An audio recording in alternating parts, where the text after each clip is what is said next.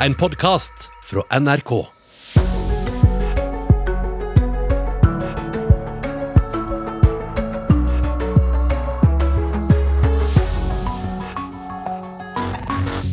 God morgen. Det er onsdag og omtrent midt i uka. Nyhetsmorgen har mye å by på. Samiske kvinner er langt mer utsatt for vold fra partneren sin enn ikke-samiske kvinner. Forskerne vet foreløpig ikke hvorfor. Jeg skjulte det for alt og alle, det var flaut. En gang holdt han på å drepe meg på en helgetur, jeg måtte gjemme meg til blåmerkene rundt øynene forsvant. Norsk medaljehåp i roing er ute av OL etter en dramatisk kantring. Vi hadde finale på Hulehånd, og så er det en vindråse som tar en åre, og så er det Så er plutselig er vi i vannet. Og hvordan påvirker den enorme flommen i Tyskland valget på en ny kansler?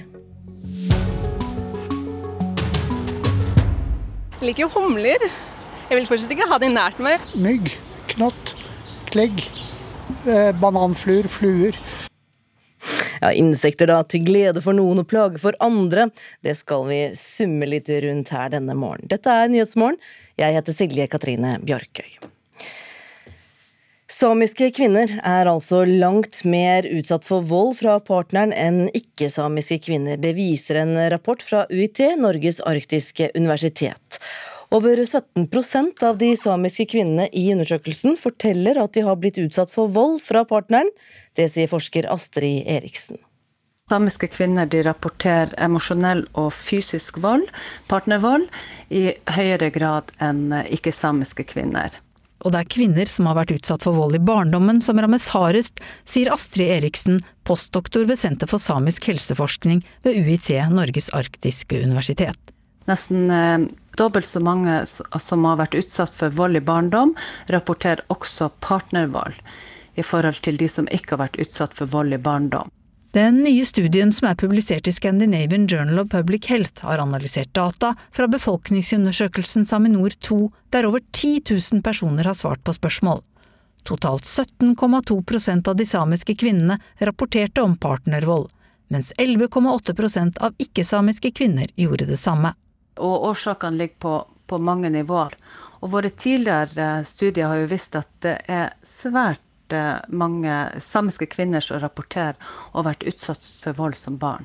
NRK har snakket med en samisk kvinne som forteller om gjentatt vold. Vi kan kalle henne Anne. Egentlig heter hun noe helt annet. Det er heller ikke hennes stemme vi hører. Jeg skjulte det for alt og alle, det var flaut. En gang holdt han på å drepe meg på en helgetur, jeg måtte gjemme meg til blåmerkene rundt øynene forsvant, jeg hadde ingen andre. Anne havnet på legevakten flere ganger, og hun forteller at de ba henne anmelde samboeren. Den tidligere samboeren hennes er dømt i flere andre voldssaker.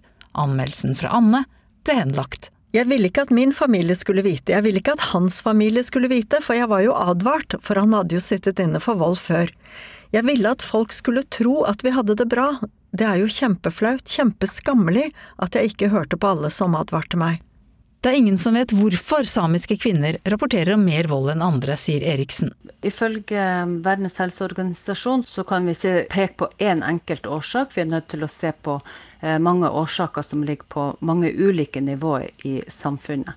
F.eks. på eh, samfunnsnivå så kan man kanskje si at den harde fornorskningene av samene har ført til en negativ holdning og kanskje også handlinger mot eh, samer når det gjelder faktorer i nærmiljøet, så kan det jo være etniske konflikter mellom grupper.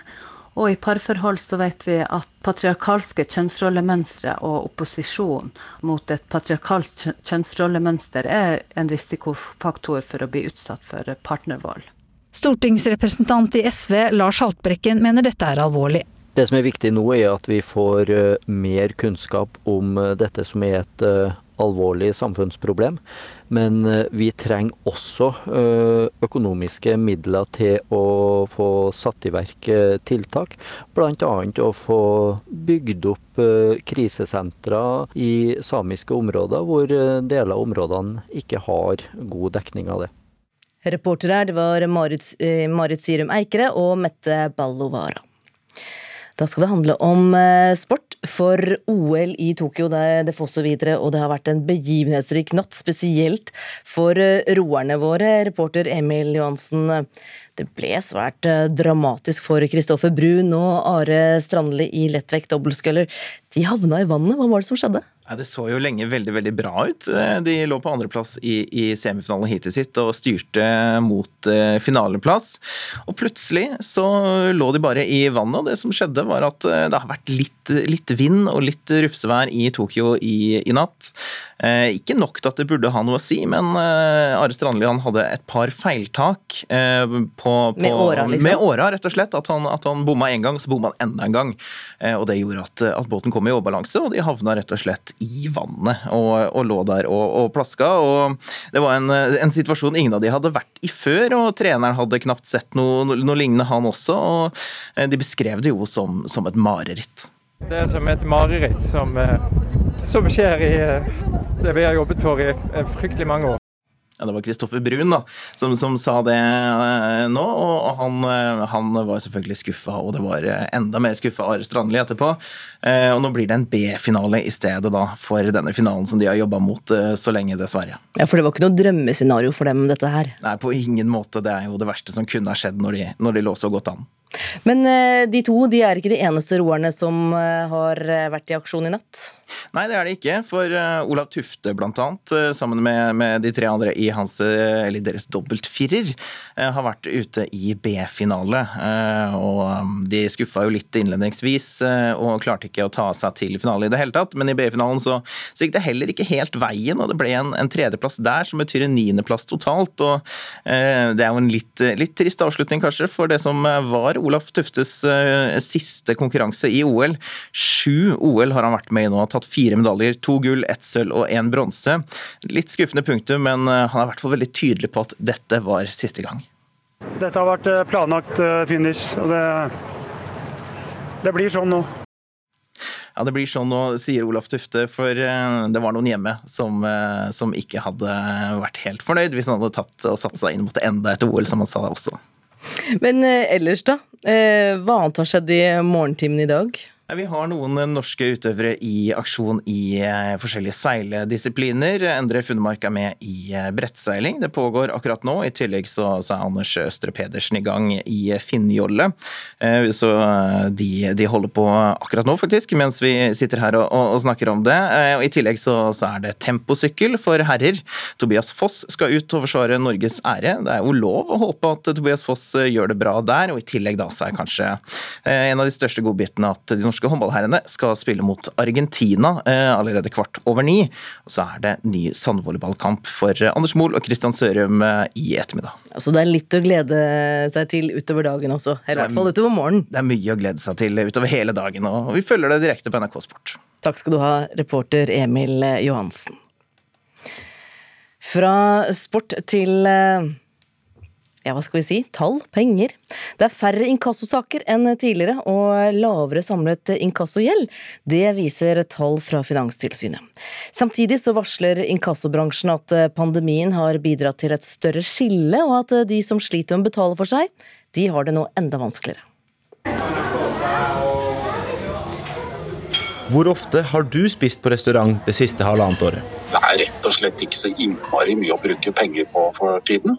Det sier Alexander Day, som jobber som namsfogd i Oslo. Uh, ikke for å dra til Syden og ikke for å gå på restaurant, i hvert fall ikke i Oslo-området, så har det vært helt stengt veldig lenge.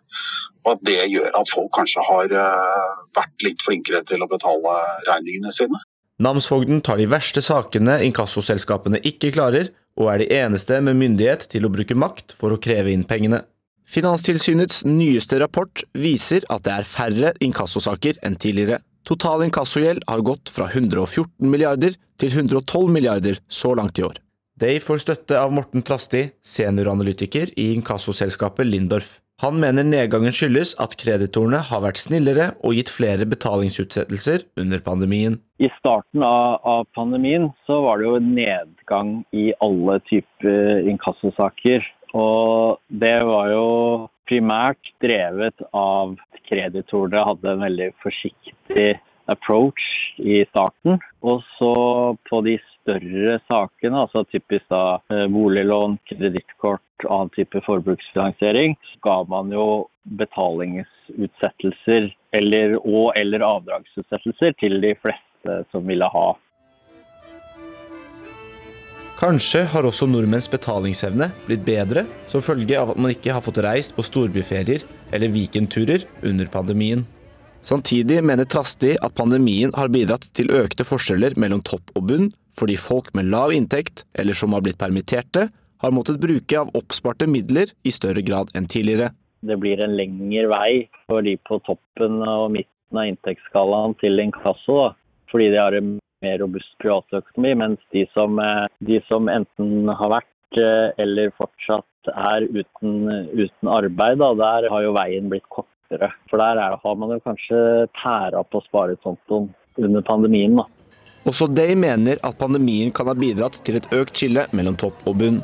Folk flest, eh, kanskje en sånn 70-75 av oss, eh, har egentlig hatt det bedre med lavere renter og lite å bruke penger på og sikker inntekt. Den siste andelen som nok sliter adskillig mer. Reporter her, det var eh, Eirik Hegdal Evensen. Vi skal holde oss til tall, for Equinor leverte i dag morges tallene for andre kvartal. Reporter Bendik Gran Johnsen, du har hatt ja, skal vi se, et drøyt kvarter på deg til å se på tallene. Hvordan har det gått med Norges største selskap? Jo, pengene de renner inn for Equinor. De har tidoblet resultatet fra samme kvartal i fjor, og det såkalte justerte resultatet før skatt, som da enkelt forklart er overskudd, det endte på 4,64 milliarder dollar, som da er ca. 41 milliarder norske kroner. Og Det er jo et kraftig hopp fra samme periode i fjor. Da fikk jo Equinor bare 350 millioner dollar i resultat. Og Det er også da bedre enn tilsvarende tall før koronapandemien eh, i 2019, men likevel litt dårligere enn eh, første kvartal i år. Men resultatet ble altså da langt bedre enn i fjor, i hvert fall så langt. da Var det ventet eller uventet? Jo, På forhånd så er det sånn at uh, mange analytikere, de, og da 20 analytikere spesielt, prøver å regne seg frem til hva resultatet blir. Og fasiten er litt dårligere enn hva analytikerne ventet, da, i snitt. Hva er det som forklarer dette kraftige hoppet da, for Equinor? Jo, eh, Equinor er jo først og fremst en oljeprodusent, eh, og oljeprisen er jo da helt sentral. Og Equinor slet jo veldig med en kollaps i oljeprisen i kjølvannet av koronapandemien i, i, samme periode i fjor. Eh, det var rett og slett for mye olje i markedet da, og man fikk en kollaps. Og prisen på nordsjøolje nådde en bunn på rundt 20 dollar fatet i april. Og Equinor rapporterte om en gjennomsnittlig oljepris på 29,2 dollar fatet i samme kvartal i fjor, mens i dag er situasjonen en helt annen for selskapet. Vi flyr jo bl.a. mer, og etterspørselen etter olje er jo langt høyere. Eh, I tillegg så er det da det såkalte OPEC pluss-samarbeidet, som har vært enige om å ikke pøse ut masse olje i markedet, men holde produksjonen eh, nede for å ha en stabilt høy oljepris.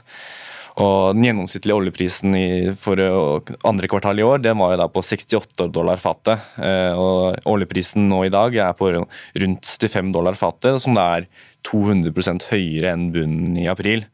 Og I tillegg så har jo de høye, høyere gassprisene også vært med på å løfte kvartalet for oljegiganten. Takk skal du ha, reporter Bendik Gran Johnsen.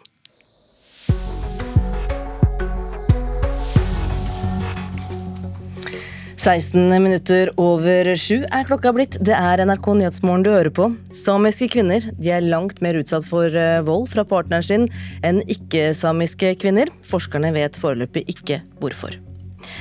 En dramatisk kantring sendte norske medaljehåpet i roing ut av OL. Og det er altså færre inkassosaker enn tidligere, og lavere samlet inkassogjeld. Og følg med oss videre, for har du først fått øynene opp for insektenes verden av virrende vinger, da har du fått deg en glede for livet. Det skriver vår gjest i sin nye bok om insekter. Men før det så skal det handle om Tyskland, for Tyskland har nå i juli opplevd den mest dødbringende naturkatastrofen siden 1962. Flommen den rammet særlig delstatene vest i landet og har ført til enorme ødeleggelser og tap av menneskeliv. Minst 184 mennesker er så langt bekreftet omkommet. Samtidig så skal landet ha et viktig valg nå i høst, og der skal de altså velge ny kansler. Kollega Guri Nordstrøm, du er eh, tidligere europakorrespondent for NRK. Hvordan kan flommen påvirke dette valget? Dette har blitt en sak i valgkampen allerede, så det er ingen tvil om at eh, den vil få konsekvenser for valget. Og nå er det altså, som du sa, bare to måneder igjen til forbundsdagsvalget i Tyskland. Der man skal velge hvem som skal ta over etter Angela Merkel, som gir seg som leder etter 16 år. Og akkurat nå så ser det ut til å stå mellom to kandidater. På den ene siden så har du representanten for Det kristelig-demokratiske partiet, altså samme parti som Merkel. Og på den andre siden er det representanten eh, for eh, De grønne. Hvis vi starter med kandidaten som eh, representerer da Merkels parti, hvordan har han gjort det under flomkatastrofen? Ja, han heter Armin Laschet og er nå leder i en av de delstatene som faktisk var hardest rammet av flommen, nemlig Nordrhein-Westfalen. Han var for så vidt raskt på plass i de rammede områdene, og han har også satt inn store ressurser i redningsarbeidet. I tillegg så har han fått drahjelp fordi han har kunnet besøke flomområdene sammen med sin partifelle Merkel, noe som selvfølgelig da har ført til eh, stor oppmerksomhet. Men samtidig så har han eh, bl.a. blitt kritisert for at han sto og lo sammen med kollegaer etter at han hadde besøkt eh, flomofre i Erfstadt. Eh, noe som da senere måtte beklage, for det så jo ganske umusikalsk ut i en slik situasjon. Men til tross for denne episoden så ligger faktisk hans parti nå likevel best an på meningsmålingene, slik at han kan bli den nye forbundskansleren i Tyskland. Men den andre kandidaten, da, De Grønnes kandidat, eh, hva med den kandidaten? Ja, Det er Anna-Lena Baerbock som er leder, eh, representanten fra De Grønne. og Eh, hennes situasjon er at hun har jo ikke noe politisk embete og dermed heller ikke noe mandat eller penger eller ressurser til å gjøre noe konkret for å hjelpe flomofrene nå, slik som da konkurrenten Laschet har. Så Sånn sett så har hun og De Grønne derfor kommet litt i skyggen av eh, Kristeligdemokratene. Men samtidig så er jo De Grønnes det viktigste klima- og miljøpartiet i Tyskland. Eh, som da hele veien har advart mot klimaendringer og miljøkatastrofer. Så det kan jo tale til deres fordel i denne valgkampen. I tillegg så slipper de jo også unna den kritikken som kommer mot ansvarlige myndigheter nå, nemlig at de har gjort for lite for å forberede det tyske samfunnet på den katastrofen som nå har skjedd. Eh, det dreier seg om dårlige varslingssystemer, utdaterte rørsystemer som ikke tok unna vannet. Og det dreier seg også om kritikk av at de som har styrt til nå, ikke har tatt klimaendringene nok på alvor. Men dette er jo ikke første gang naturkatastrofer eh, påvirker valg i Tyskland? Nei, det er ikke det. I 2002 så ble de østlige delene av Tyskland rammet av storflom. og Da var forbundskansler og sosialdemokrat Gerhard Schrøder raskt på plass. og Han ble husket for at han sto ved flomofrenes side i høye sjøstøvler, samtidig som motkandidaten hans, Edmund Stoiber fra Kristeligdemokratene, var på ferie. Og Da Stoiber endelig kom på plass, så ble han husket for at han dukket opp i et eh, veldig elegant antrekk som ikke passet til situasjonen i det hele tatt. Eh, så den gang var det ingen overraskelse at Skrøder ble gjenvalgt som kansler. Og, og så har du under storflommen i eh, stormfloen i Hamburg i 1962, der over 300 mennesker omkom. Der gjorde byens innenrikssenator seg ganske bemerket som både dyktig og handlekraftig. Eh, han het Helmut Schmidt og ble senere en av de største lederne i tysk historie. Takk skal du ha, kollega Guri Nordstrøm. Nå skal det handle om eh, insekter her i Nyhetsmorgen, for det er jo noe som eh, hører sommeren til. Og Vi spurte folk på gata i Oslo hva slags forhold de har til disse summende skapningene. Nei, jeg syns uh, mauren er uh, kan defineres som insekt, ja. Mauren er fin, den. Sterke, flinke, jobber som en team. Liker det. Liker jo humler. Jeg vil fortsatt ikke ha de nært meg, men sånn på, jeg liker dem for de er viktige for liksom, naturen og sånt. Jeg vokste opp i USA, vi hadde masse insekter der. I forhold til her er det ingenting. Ikke her i Oslo i hvert fall. Her er det ikke så mye. Og på fjellet er det jo en del, da. Ja, og oppe i Nord-Norge så har man mygg der oppe også, og de er veldig store. Sånn som vi hadde i Minnesota også. Så nordmenn som reiser til Minnesota, de var vant til store insekter da. Jeg er blitt eh, stukket av insekter. Så du liker dem ikke så veldig godt? Nei, egentlig ikke. Men eh, er det noen insekter du misliker? Ja, det er det jo absolutt. Eh, mygg, knott, klegg, eh, bananfluer, fluer. Er det et insekt du er faktisk redd for? Edderkopper, veps, kanskje. Ja. Edderkoppen er faktisk ikke et insekt. Er det ikke? Den er mer i slekt med skorpioner og flått. Ah, i mening. jeg er meget glad i å se spindelvev når vi går turer med hundene på kveldstid. Så rundt om Marienlyst skole så er det en del som fantastiske spindelvev. Reporter her, det var Kristine Næss Larsen. Altså, det fins i alt 19 000 norske insektarter i Norge. Og de er altså ja, til glede for noen og til plage for andre, men Uansett hva du skulle mene om dem, så spiller de en viktig rolle i naturen. Anne Sverdrup Tygeson, insektforsker og professor ved Norges miljø- og biovitenskapelige universitet. Velkommen til Nyhetsmorgen. Tusen takk.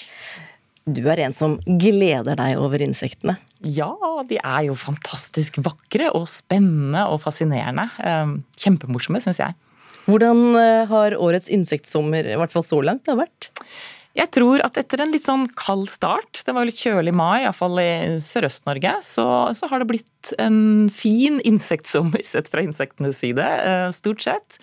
Det har vært ganske varmt i Sør-Norge uten at det har vært altfor tørt. Og Det betyr at humlene, som kom litt seint i gang, kanskje, de har nå fått laget store samfunn. Jeg har sett masse humler i sommer.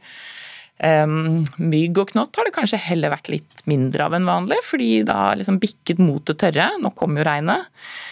Um, og så har du jo fluene. I nord har det jo, som noen nevnte, vært mye svettefluer. Folk har hatt skyer rundt seg. Um, og også en annen fluegruppe, blomsterfluene, som jeg jo også syns er fantastisk flotte. Disse små gule og svarte som står stille i luften og leker at de er veps. De syns jeg òg det har vært mye av. Og er det egentlig en flue? Det er egentlig en flue. Hvis du ser noe du tror er en veps som står helt stille i luften, så er det garantert ikke en stikkeveps. Da er det gjerne en blomsterflue eller noen andre som later som at de er en veps for å nyte godt av liksom skrekkeffekten til vepsen. Men eh, de andre fluene, da, som ikke står stille, svettefluene f.eks., som det var mange av i nord, som du sa. Eh, hva er grunnen til at det blir så mange av dem? Altså Insekter generelt er veldig avhengig av været, um, temperatur og, og, nedbør. Og så er det jo noe med at hvis det er varmt og stille, uh, da liker vi å være ute. Og det er veldig fine forhold også for den type arter. Uh, så da ser vi dem godt. Og så er det rett og slett mye liksom, variasjon som vi ikke har full oversikt over. Så noen år er det mye av noen arter av insekter, og mindre av andre. Og så, så svinger det litt. Og vi skal være glad for at de er der alle sammen. Ja, både du og jeg, Det er jo ikke sikkert alle er helt enige om det egentlig, men både du og jeg og alle som, som hører på, de har helt sikkert opplevd å sitte ute og ja, med noe godt å spise og drikke, og så summer det rundt ørene, og det setter seg noen på maten, det er noen som svømmer i glasset ditt. Eh, trenger vi dem alle sammen, da? Altså veps og mygg og alle som forsyner seg av noe vi vil ha? Enten det er oss eller det vi har. Altså, Greia er jo at det er bare en ørliten promille eh, av insektene som, som er litt brysomme. Um, som du sa innledningsvis, vi har 19.700 kjente insektarter i Norge.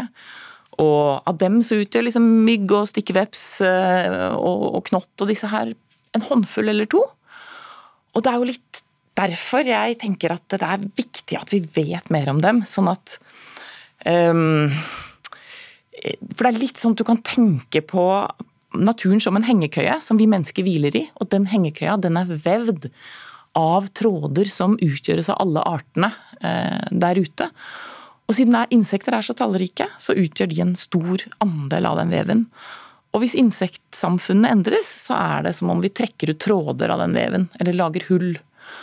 Og det kan gå bra eh, en liten stund, men hvis det skjer for store endringer, så rakner rett og slett den hengekøyeveven som vi mennesker hviler i, og da kan det ha store konsekvenser. Ja, For da ramler vi ut av hengekøya? Ja, altså da får vi rett og slett, da virker det inn på vår velferd og våre liv. Um, og Derfor så mener jeg jo at det er kjempeviktig at vi kan mer om insekter, og at vi er mer glad i insekter. Og Det er derfor jeg har eh, skrevet en nye boka som heter 'Insekter i Norge', som nettopp skal gjøre at folk skal lære mer om hele bredden av disse flotte krypene rundt oss. og forstå at vi er faktisk helt avhengig av at de fins for at eh, vi skal ha gode liv. Det er ingen tvil om at du er skal vi si, litt over gjennomsnittet interessert og fascinert av insekter. Du har altså eh, gitt ut en ny bok om norske insekter. Den er veldig pedagogisk. Jeg har bladd litt i den og sett på det mye flotte bilder, men oppbygningen også veldig pedagogisk. Hvem, hvem er det du har skrevet den for? Alle som noensinne har møtt et insekt. Det var hvitt. Ja, men det er jo det som er ambisjonen. At, at, både de som liker insekter, og for så vidt de som ikke liker insekter i det hele tatt, skal kunne lese denne boka, eller eh, slå opp hvis det er en spesiell gruppe de har lyst til å lære mer om, eller lese den fra perm til perm. Fordi jeg tenker at det vi vet nå om, det blir vi glad i. Og det vi er glad i, det passer vi på. Og det er så til de grader i vår egen interesse at vi passer bedre på og verner om insektene her i Norge. Hm. Men det er jo mange av dem. Er det noen vi er heldigere hvis vi får se enn andre? Altså, jeg syns jo det er fascinerende å se hm, alle typer av insekter, for så vidt. Men klart, noen av dem er jo fargerike og, og rett og slett utrolig pene når du ser dem eh, nære. Altså, Gullveps er jo ett eksempel på en, um, en type veps, en slektning av den gule og svarte stikkevepsen. Som ser helt annerledes ut med metallic, sterke farger. Um, ser ut som en liten edelsten med vinger på. Og de finner jeg altså, Jeg trenger ikke å gå lenger enn til vinduskarmen min i stua. Altså. Så ligger det gjerne en sånn hver sommer hvis det er lenge siden jeg har støvsugd. Um, og, og, det er liksom noe med hvor pent det er uh, å se dem hvis du bare tar deg tid til å se. Takk skal du ha, Anne Sverdrup eh, Tygeson. Da er det tid for eh, Dagsnytt med Vidar Eidhammer.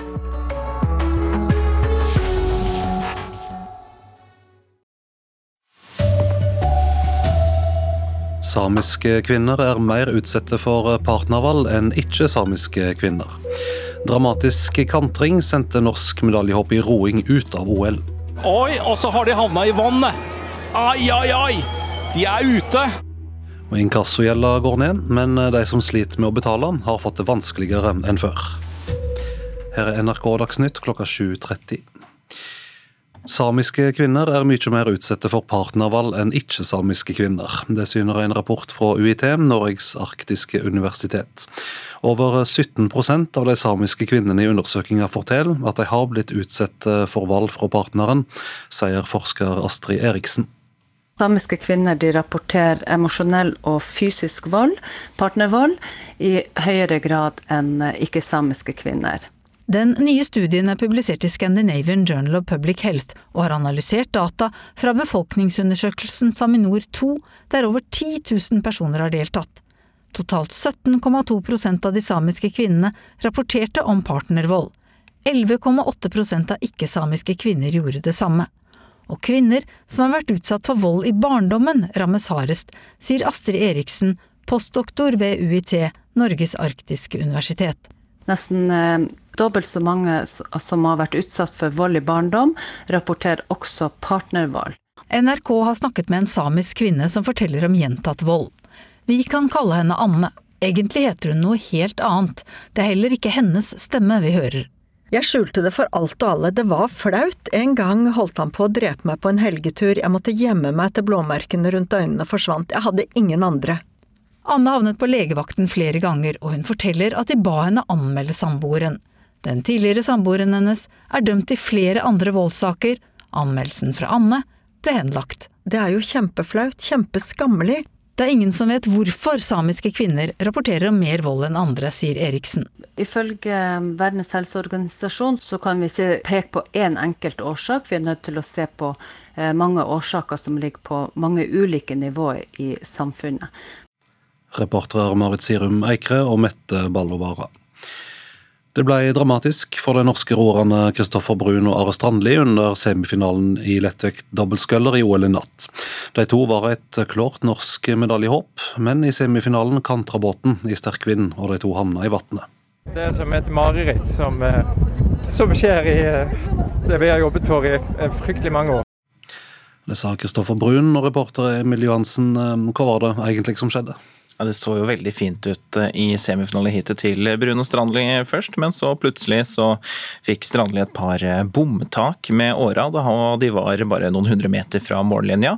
Eh, og det resulterte i at båten kantra, og at Kristoffer Brun og Are Strandli havna i vannet rett og slett, og ikke fikk fullført semifinaleheatet sitt. Og så er OL også endelig over for Olaf Tufte. Ja, det er det. Han, eh, han, har nå vært med i syv OL, og eh, har jo tatt to gull tidligere, og også et sølv og en bronse. Men eh, i kveld så ble det, eller i natt, så ble det med en niendeplass da han var en av de fire roerne i dobbeltskulderen. Og det blir hans siste OL, det var han ganske klar på etterpå. Men Norge kan med litt flaks få en medalje i dag. Jeg tenker da på Tobias Foss som skal sykle tempo. Hva kan vi vente av han? Det er lov å ha forhåpninger til Tobias Foss. Han var eh, veldig god på NM-tempoen eh, tidligere i år, og han eh, skal sykle den tempoen her av en grunn, og ble jo også nummer ni sammenlagt i Giro d'Italia, og det er lov å ha forventninger til Tobias Foss. Han går ut til den siste pulja med de aller beste, så det er lov å håpe at han også klarer å, å heve seg og, og kan være med i medaljekampen senere i dag. Takk skal du ha, reporter Emil Johansen. Du kan følge Tobias Foss sin tempo og annet nytt eh, fra OL i NRK Sport. Høyere olje- og gasspriser eh, førte til solide tall for Equinor i andre kvartal. Det justerte driftsresultatet var på drygt 41 milliarder kroner. Dette er mer enn ti ganger så høyt som samme kvartal i fjor, men noe under de første månedene i år. Det er eh, færre inkassosaker enn før, og lavere samla inkassogjeld, syner tall fra Finanstilsynet. Men samtidig varsler inkassobransjen om at pandemien har vært med på å skape et større skilje, og at de som sliter med å betale for seg, har det vanskeligere nå enn før. Hvor ofte har du spist på restaurant det siste halvannet året? Det er rett og slett ikke så innmari mye å bruke penger på for tiden. Det sier Alexander Day, som jobber som namsfogd i Oslo. Uh, ikke for å dra til Syden og ikke for å gå på restaurant, i hvert fall ikke i Oslo-området, så har det vært helt stengt veldig lenge. Og at det gjør at folk kanskje har uh, vært litt flinkere til å betale regningene sine. Namsfogden tar de verste sakene inkassoselskapene ikke klarer, og er de eneste med myndighet til å bruke makt for å kreve inn pengene. Finanstilsynets nyeste rapport viser at det er færre inkassosaker enn tidligere. Total inkassogjeld har gått fra 114 milliarder til 112 milliarder så langt i år. Day får støtte av Morten Trasti, senioranalytiker i inkassoselskapet Lindorf. Samtidig mener Trasti at pandemien har bidratt til økte forskjeller mellom topp og bunn, fordi folk med lav inntekt, eller som har blitt permitterte, har måttet bruke av oppsparte midler i større grad enn tidligere. Det blir en lengre vei for de på toppen og midten av inntektsskalaen til inkasso, da. fordi de har en mer robust privatøkonomi, mens de som, eh, de som enten har vært eh, eller fortsatt er uten, uten arbeid, da, der har jo veien blitt kortere. For der er, har man jo kanskje tæra på sparekontoen under pandemien. da. Reporter var Eirik Hegdal Evensen. Politimenn som jobba jobber for å verne den amerikanske kongressen under storminga 6.1, frykta for livet sitt. I natt fortalte de om opplevelsene i den første høringa i ei gransking som skal finne ut hvem som hadde ansvaret for storminga. Politifolka ba om at eh, maktpersoner som sto bak, må bli stille til ansvar. Under den første høringa i komiteen som skal finne ut av hva som skjedde da den amerikanske kongressen ble storma i vinter, ble det spilt av opptak fra politiradioen. Seks av politimennene som var på jobb i Kongressen den dagen, vitna om sine opplevelser. Jeg følte jeg holdt på å bli kvalt. Jeg husker jeg tenkte jeg kommer til å dø mens jeg står her og beskytter denne inngangsdøren, sa politibetjent Aquilino Gonell. Til sammen fem personer mista livet da tusenvis av Trump-tilhengere storma Kongressen. President Trump og medlemmer av det republikanske partiet har i etterkant forsøkt å fremstille hendelsene som lite voldelige. En representant omtalte stormerne som turister på sightseeing i Kongressen. Videoer spilt av fra politiets kameraer i går viste et annet bilde. Den første høringa var via politimennene som var på jobb for å beskytte bygningen, og flere uttalte at de vil at politikerne som sto bak, må bli stilt til ansvar for det som skjedde. Jeg ønsker meg en granskning av de handlingene som resulterte i det som skjedde 6.1, for å finne ut av om det var samarbeid mellom kongressmedlemmer og disse terroristene. Det var det Michael Fanoni sa, politibetjent. Reporter, reporter var Sofia Baskevich. Vinmonopolet har solgt eh, mye mange steder de siste ukene. På over 30 turiststeder har eh, Vinmonopolet hatt de travleste sommerukene noen gang.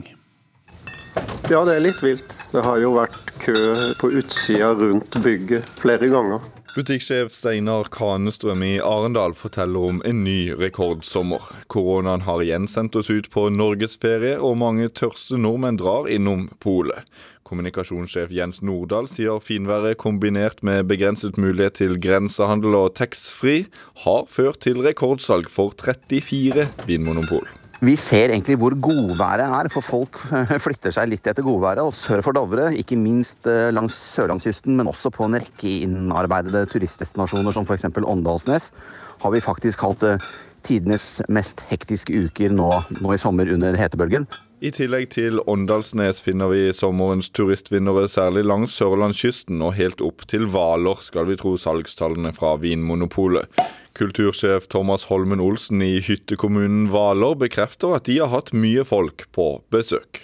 Ja, Det kan jeg absolutt eh, kjenne meg igjen i. og det, Vi har nok heller aldri bytta så mange toalettruller på sanitæranleggene våre heller, som, eh, som, vi har gjort nå de to siste ukene. Det, det er i hvert fall sikkert. Så det ble litt over 60 tonn eh, med, på en uke, da, som vi har da løfta av for hånd og trilla inn i butikken. Og på nrk.no kan du se hvor eh, Vinmonopolet har solgt mest. Reporter var Mathias Hamre. Ansvarlig for sendinga var Anne Skårseth, og i studio Vidar Eidhammer.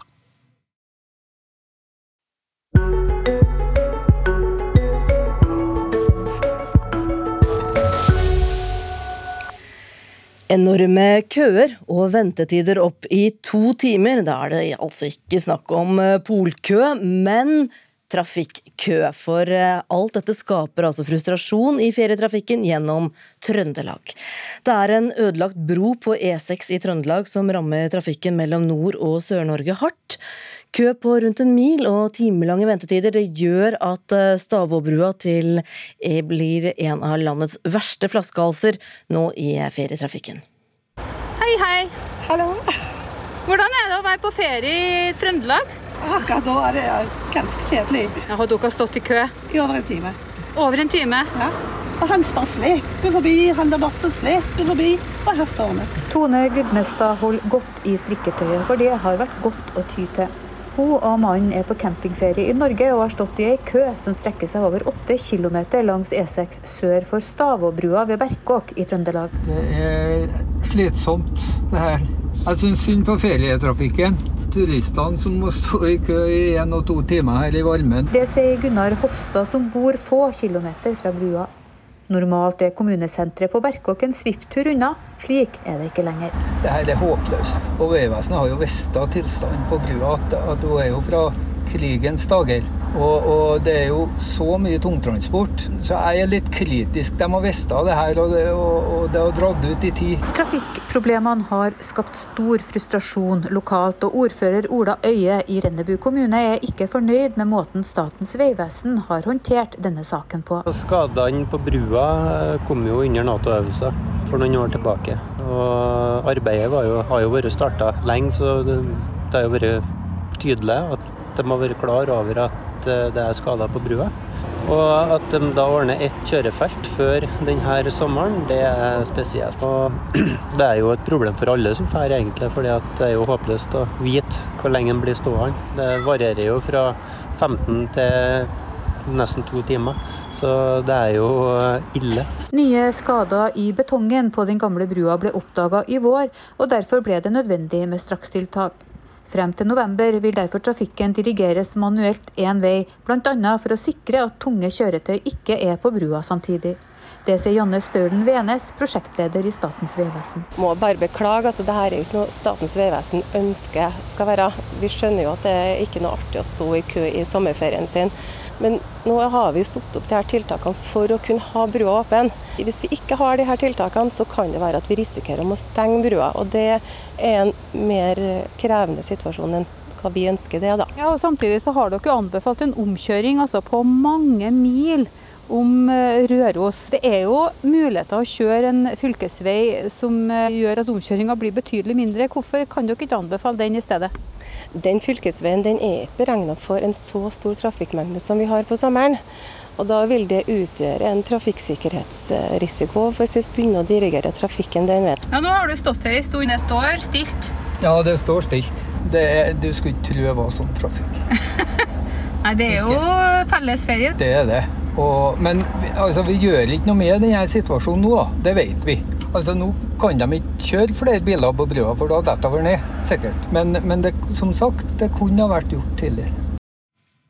Ja, Det sa til slutt Gunnar Hofstad, og reporter her det var Grete Tobro.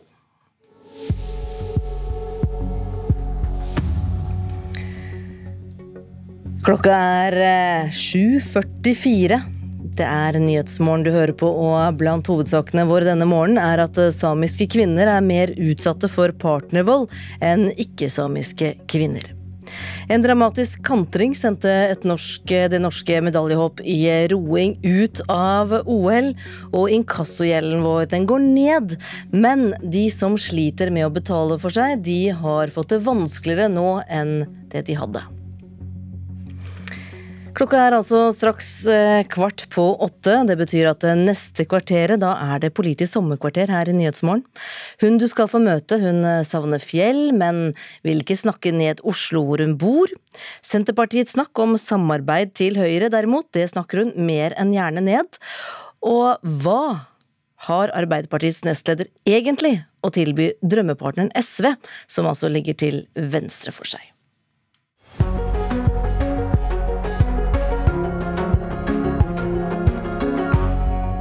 Sånn, hvis du snakker nå. Uh, I morgen spiste jeg sånn eh, knekkebrød med sånn hele frø, og det er skikkelig godt. Smaker godt og godt for magen. Mm. Som partilederen som vil ha marmelade. Å, men jeg, det var marmelade på eh, knekkebrødet. Så det beste av begge verdener. Jeg heter Hadia Tajik, og jeg er nestleder i Arbeiderpartiet. Eh, stiller til valg i Rogaland. Lang sommerferie har du hatt? Jeg har tre uker eh, i eh, kommunen som jeg vokste opp i, sammen med mannen min og ungen vår. Eh, og det har vært tre deilige uker. Kommunen er Strand, hvor også barndomsplassen, det lille tettstedet Bjørnheimsbygd, ligger. Strand som for to år siden fikk vei til oljehovedstaden Stavanger gjennom verdens lengste undersjøiske tunnel. En kommune som også huser mange bedrifter og arbeidsplasser knyttet til oljenæringen arbeidsplasser Tajik ikke vil gamble med i en framtidig regjeringsforhandling. Men mer om det om litt. Det har virkelig vært kjempefint. Har til og med hatt eh, fint vær, og det er jo ikke alltid det er en selvfølge i Rogaland. Det er ikke selvfølge å få ro og fred der heller. Tenker du når du, når du hører en vannskuter? Vet du hva, Det har jeg faktisk ikke hørt eh, der vi holdt til. Eh, vi var tett på fjorden. Vi har ordna oss eh, ei hytte som er leie.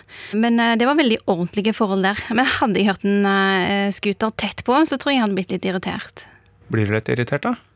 Eh, ikke så lett å irritere meg, eh, men eh, når noen tar seg til rette på bekostning av andre, da må jeg innrømme at det kan være kilde til irritasjon, ja. Tre uker på, på hjemstedet, hva er det som gir deg den roen ved å være der, da?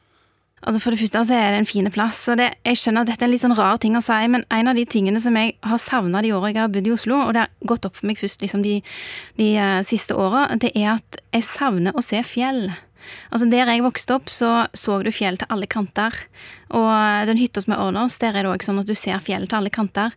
Eh, og det er rart at noe sånt kan være med på å gi ro, men eh, for meg så gjør det det. I tillegg så var det sånn at eh, mannen min var mye ute eh, med båt og eh, satt ut garn og fiska, så vi fikk mye fersk fisk.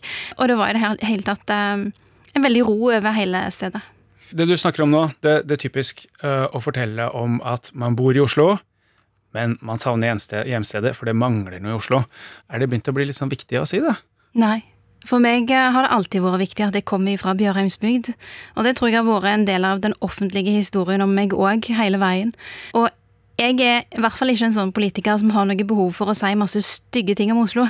For å si noe fint om heimplassen min.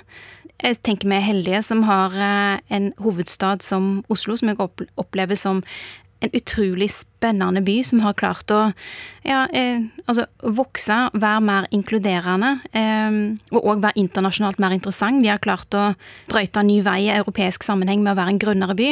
Men så er jeg utrolig stolt over at jeg kommer fra en bitte liten plass langt inn i Rogaland. Og jeg er så stolt av det at jeg drar med meg mannen min og ungen min eh, over der. Og håper jeg i starten tvinga mannen min til å være der en stund. Nå har jo han eh, heldigvis òg blitt glad i heimplassen min. Så har han blitt lurt? Altså, Enten så har han blitt glad i heimplassen min, eller så er han glad nok i meg da, til å i det minste late som de tre ukene. Jeg tror han har hatt det fint, han òg. Det er identitet. Man prøver å skape også et bilde som skal være attraktivt for velgerne. Hvilken egenskap ved deg er det du håper at velgerne har fått med seg? Jeg håper at de tenker at uh, hun er hardtarbeidende. Jeg håper at de tenker at uh, selv om jeg kanskje ikke alltid er enig i alt hun sier, så stoler jeg på det. Altså, jeg stoler på at hun har gjort en ordentlig jobb, eh, og stoler på argumentasjonen hennes, at hun ikke kutter hjørner. Eh, jeg håper i hvert fall at det er et eh, inntrykk jeg klarer å se der igjen. Å dyrke flittigheten, liksom? Ja, det er en bra ting å være flittig, tenker jeg. Er det noen merkelapp du har blitt klistra på, som du tenker den, den der er jeg ikke så glad i? Altså det er jo sånn at Når du har et offentlig verv og blir eh, altså skrevet om i ulike sammenhenger, så vil det alltid være noe omtale som kan være Man kan oppleve som urettferdig, da, eller kan oppleve at det der er ikke meg, eller skulle ønske de ikke sa det sånn.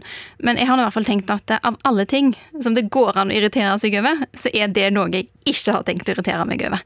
Jeg må jo ha fokus på det som er viktig, og det er politikken. Sakene som betyr noe for folks liv og folks hverdag, og ikke ta disse andre distraksjonene som dukker opp. Du, du, kaller det jo distraksjoner, men det er jo distraksjoner som kanskje avgjør valg. Blir ikke nervøs? Jeg kjenner ikke til at det fins merkelapper på meg som har vært med på å avgjøre valg. Ikke ennå. Vi får se, da. Og så er det et valg som selvfølgelig det står ganske nært. Og så vet vi at du har Senterpartiet. De sier på inn- og utpust vi skal ikke samarbeide med SV. Og så har du SV som sier at en regjering uten oss, det er ikke noe eh, miljøkraft i den regjeringen. Hvordan står dere i det spillet der? Altså Arbeiderpartiet eh, er veldig tydelig på at vi ønsker en Arbeiderparti-ledet regjering eh, sammen med SV og Senterpartiet. Det er det vi jobber for. Vi har vist at det er noe vi har klart tidligere, i 2005. Og vi har ambisjoner om å håpe at vi får velgerne med på å få den type flertall igjen. SV eller Senterpartiet, hvem står man nærmest politisk? Jeg har aldri vært i tvil om at jeg er sosialdemokrat, så jeg har ikke hatt behov for å utforske eh, den legningen det krever å eh, være mer interessert i Senterpartiet eller eh, SV. Men konkret, da. Man har et Senterparti som er veldig tydelig på at vi kan samarbeide til høyre. Er ikke det et, eh, en attraktiv mulighet når eh, politikken sammenfaller? Jeg syns ikke det er en spesielt attraktiv mulighet. Høyre har jo gjennom de siste åra eh, vært en av de viktigste grunnene til at de økonomiske forskjellene mellom folk øker, fordi de har gitt store skattekutt til de som har mest ifra før. For Arbeiderpartiet vil det være helt unaturlig eh, å samarbeide til Høyre eh, etter et valg, særlig hvis det er mulig å etablere et rød-grønt flertall, sånn som jo de aller fleste meningsmålinger tilsier at skal være innenfor rekkevidde, hvis velgerne òg ønsker det på valgdagen. Men det er jo ikke i skattespørsmål dere kommer til å hente, måtte hente støtte fra høyresida uansett. Vi snakker om andre saker. Er det så farlig å hente støtte fra høyresiden i de sakene som de er enig med dere i uansett? Hvilke saker tenker du på da? Ja, det kan være oljepolitikk, f.eks. Dere står ganske langt fra SV. Vi har I saker som har vært viktige for landet, så har vi jo selvfølgelig samarbeidet på tvers av partiene. Arbeiderpartiet har eh, tidligere tatt initiativ til både klimaforlik ikke sant, og pensjonsreform, som man har eh, sørga for at det er en grunnleggende enighet om mellom partiene, sånn at det står seg òg gjennom valg. Og det er jo klart at Den type situasjoner er jo tenkelig at oppstår på ny, og da vil selvfølgelig Arbeiderpartiet være med på å ta ansvar for det.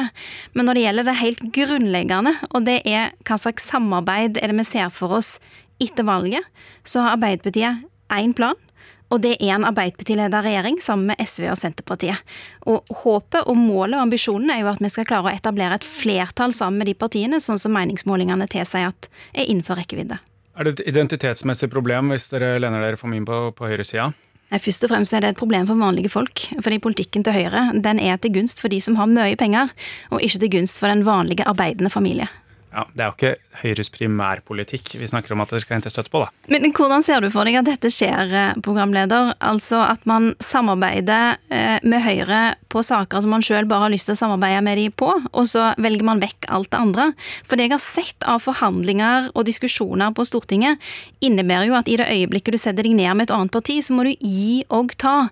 Og akkurat hva er det man skal sitte og gi til Høyre eller Fremskrittspartiet? De partiene som har drevet fram økende økonomiske forskjeller mellom folk gjennom de siste åtte åra. Vi i Arbeiderpartiet mener i hvert fall at det er bedre å samarbeide med partier som har i hvert fall en grunnleggende enighet med når det gjelder samfunnsretningen. Så du syns Trygve Slagsvold Vedum han er naiv når han tenker at han skal kunne shoppe flertall til Høyre? Arbeiderpartiet mener jo ikke at det er en spesielt god plan å legge, eh, altså ha som mål at man skal være i mindretall eh, og eh, altså tvinges til å måtte samarbeide med høyrepartiene. Det er ikke vår plan. Vi ønsker et flertall sammen med SV og Senterpartiet, sånn som meningsmålingene jo viser at er mulig å få til. Vi er i hvert fall motivert for å jobbe beinhardt for å få det til. Men Hvordan skal dere tvinge Senterpartiet til å samarbeide med SV, da? De er jo like klare på at de vil ikke ha SV i regjering. Det jeg hører Senterpartiets leder si, er at de ønsker seg en Arbeiderparti- og Senterparti-basert regjering. Så får de sjøl svare på hva det eh, må bety eh, etter et valg. Men jeg syns det er vanskelig å se for seg at man både skal ha et rød-grønt flertall med SV, altså i oppslutning, og så samtidig være et Senterparti som sier at nei, nei, vi vil ikke ha det flertallet med et parti som vi har tradisjon for å samarbeide med, som vi har fått til gode ting i lag med når vi har sittet i regjering med de sist. Så det er et tydelig budskap til velgerne at hvis det blir et rød-grønt flertall med SV, så skal det svært mye til at SV ikke inviteres inn i den regjeringen? Det er i hvert fall ingen tvil om hva Arbeiderpartiet ønsker her. Og det er å få til en Arbeiderparti-ledet regjering som har flertall med SV og Senterpartiet, og det er det vi kommer til å jobbe for. Ingen løfter? Altså, det er det som er løftet. Arbeiderpartiet lover et grønt skifte. Men i motsetning til andre partier på venstresiden av streken i norsk politikk, skal det grønne skiftet skje uten å strupe oljeindustrien. Andre næringer skal vokse fram parallelt, og et løfte om kraftig vekst står oppført på lista over ting de vil gjøre i løpet av 100 dager hvis de overtar regjeringskontorene. Den lista den inneholder ganske hårete mål om at norsk eksport utenom olja skal økes med 50% på 8-9 år nå. Hvordan skal dere få til det? Så vi vil jo bl.a. blant annet eh, at staten skal ta en mer aktiv rolle for å støtte de private initiativene som, eh, som måtte komme. Men òg at staten tar en mer aktiv rolle i å sørge for at man kan lage nye industrier. F.eks. har vi i vårt alternative budsjett foreslått at Statkraft får 1 milliard kroner mer og får et utvidet oppdrag i det å gjøre industri ut av hydrogen, og det å legge grunninfrastrukturen for det. Det vil òg gjøre det mulig for flere private aktører å være en del av det framtidige markedet. Dere kom med et løfte. Vil det si at dere sier at dette er noe vi faktisk skal innfri? Ja, det er jo et mål å få dette til. Det er en helt tydelig ambisjon. 1 milliard til Statkraft, blant annet. Altså det, det gir ikke en veldig stort løft. 1 milliard kroner er ganske mye penger, og det gir et veldig sterkt økonomisk utgangspunkt for Statkraft til å starte arbeidet med å legge grunninfrastrukturen for å bygge en ny industri. Så er det klart at det er jo ikke sånn at den ene milliarden skal være det eneste som gjør at, det, at man lykkes med å gjøre industri ut av hydrogen, men noen må jo ta de første skrittene. Og når man ser at det private markedet kanskje ikke tør å ta den risikoen, så klarer staten å være en langsiktig investor som tør å ta risiko hvis man har politikere med ambisjoner for det, og det har Arbeiderpartiet. Men vi må tilbake til hvem som skal regjere landet etter valget 13.9. hvis det blir rød-grønn valgseier. SV har vedtatt at medlemmene skal stemme over om de skal delta i en regjering etter eventuelle forhandlinger om hvilken politikk en slik regjering skal føre i viktige spørsmål. Noe som ikke er testet før i norsk politikk. Et parti som samtidig vedtok at man ikke skal gi nye tillatelser til å lete eller produsere olje og gass på norsk sokkel. Arbeiderpartiet vil ha stabile rammevilkår for oljeindustrien, og sørget under pandemien for å plusse på støttepakken regjeringen vil gi oljeselskapene for å investere mer. Hvordan tror du dere skal få SVs medlemmer til å stemme ja, uten å fire litt på egen politikk der? Altså For Arbeiderpartiet så er politikken for oljearbeiderne veldig viktig. Og det er òg fordi vi ser at oljearbeiderne er jo de som har kunnskapen til å bygge brua over til fornybarsamfunnet. Det er jo de som bl.a. har jobba med altså, eh, subsea-installasjoner, som er de som kan si noe om hva slags eh, teknologi det er man trenger, hva slags kompetanse det er man trenger for å lykkes med f.eks. havvind, eh, eller andre store satsinger som karbonfangst og, lagring og transport. Det, den type kunnskap må vi jo sørge for at blir ivaretatt, og da kan man ikke føre en oljepolitikk som gjør at oljearbeiderne risikerer å miste jobbene sine og gå ut i ingenting. Man er nødt til å lykkes med å bygge den bruna. Det er Arbeiderpartiet opptatt av, og det eh, håper jeg og tror jeg at eh, vi vil klare å, å, å få med flere partier på å legge stor vekt på. Likevel, det er ganske stor avstand mellom deres politikk på olje og SVs politikk, og dette skal SVs medlemmer til syvende og sist bestemme. Hvordan mener du at dere skal få SVs medlemmer til å stemme for deres oljepolitikk? Tror du det? Nå er det jo sånn at Vi har sittet i regjering med SV tidligere. Eh, og Aldri SV hatt har, eh, uravstemning om SV har, regjeringsplattformen? Ved tidligere tidspunkter slutta seg til det som har vært vår felles oljepolitikk, som har gitt stabile rammevilkår og forutsigbarhet for det som er en avgjørende industri for norsk verdiskaping og norsk kompetanse. Eh, og så må jo eh, SV sjøl svare på hvordan de kommer til å håndtere dette her i en ny runde. Men vi har nå i hvert fall vist at det er mulig å få dette til. Og for Arbeiderpartiet så vil den forutsigbarheten være viktig. Du tror de kan klare, å stemme ja til deres oljepolitikk? Altså, jeg er ikke en spåkone. Jeg er en politiker, eh, og jeg kan fortelle hva slags prioriteringer Arbeiderpartiet gjør. Eh, og det er ingen tvil om at det å gi forutsigbare og stabile rammevilkår til en industri som er så viktig for norsk verdiskaping og kompetanse, eh, det kommer til å veie tungt for Arbeiderpartiet inn i eventuelle forhandlinger etter et valg. Men først må vi nesten vinne valget, og så får vi ta forhandlingene etter det. Dere snubla sist på oppløpssida. Er det er det noe som fester seg på en måte i ryggmargen? Jeg tror eh, alle livets erfaringer er jo med på å forme hvordan man ser på ting. Eh, og det er klart at eh, jeg har vært med på å vinne valg, og jeg har vært med på å tape valg, og det er hyggeligere å vinne valg enn å tape. God valgkamp. Takk for det.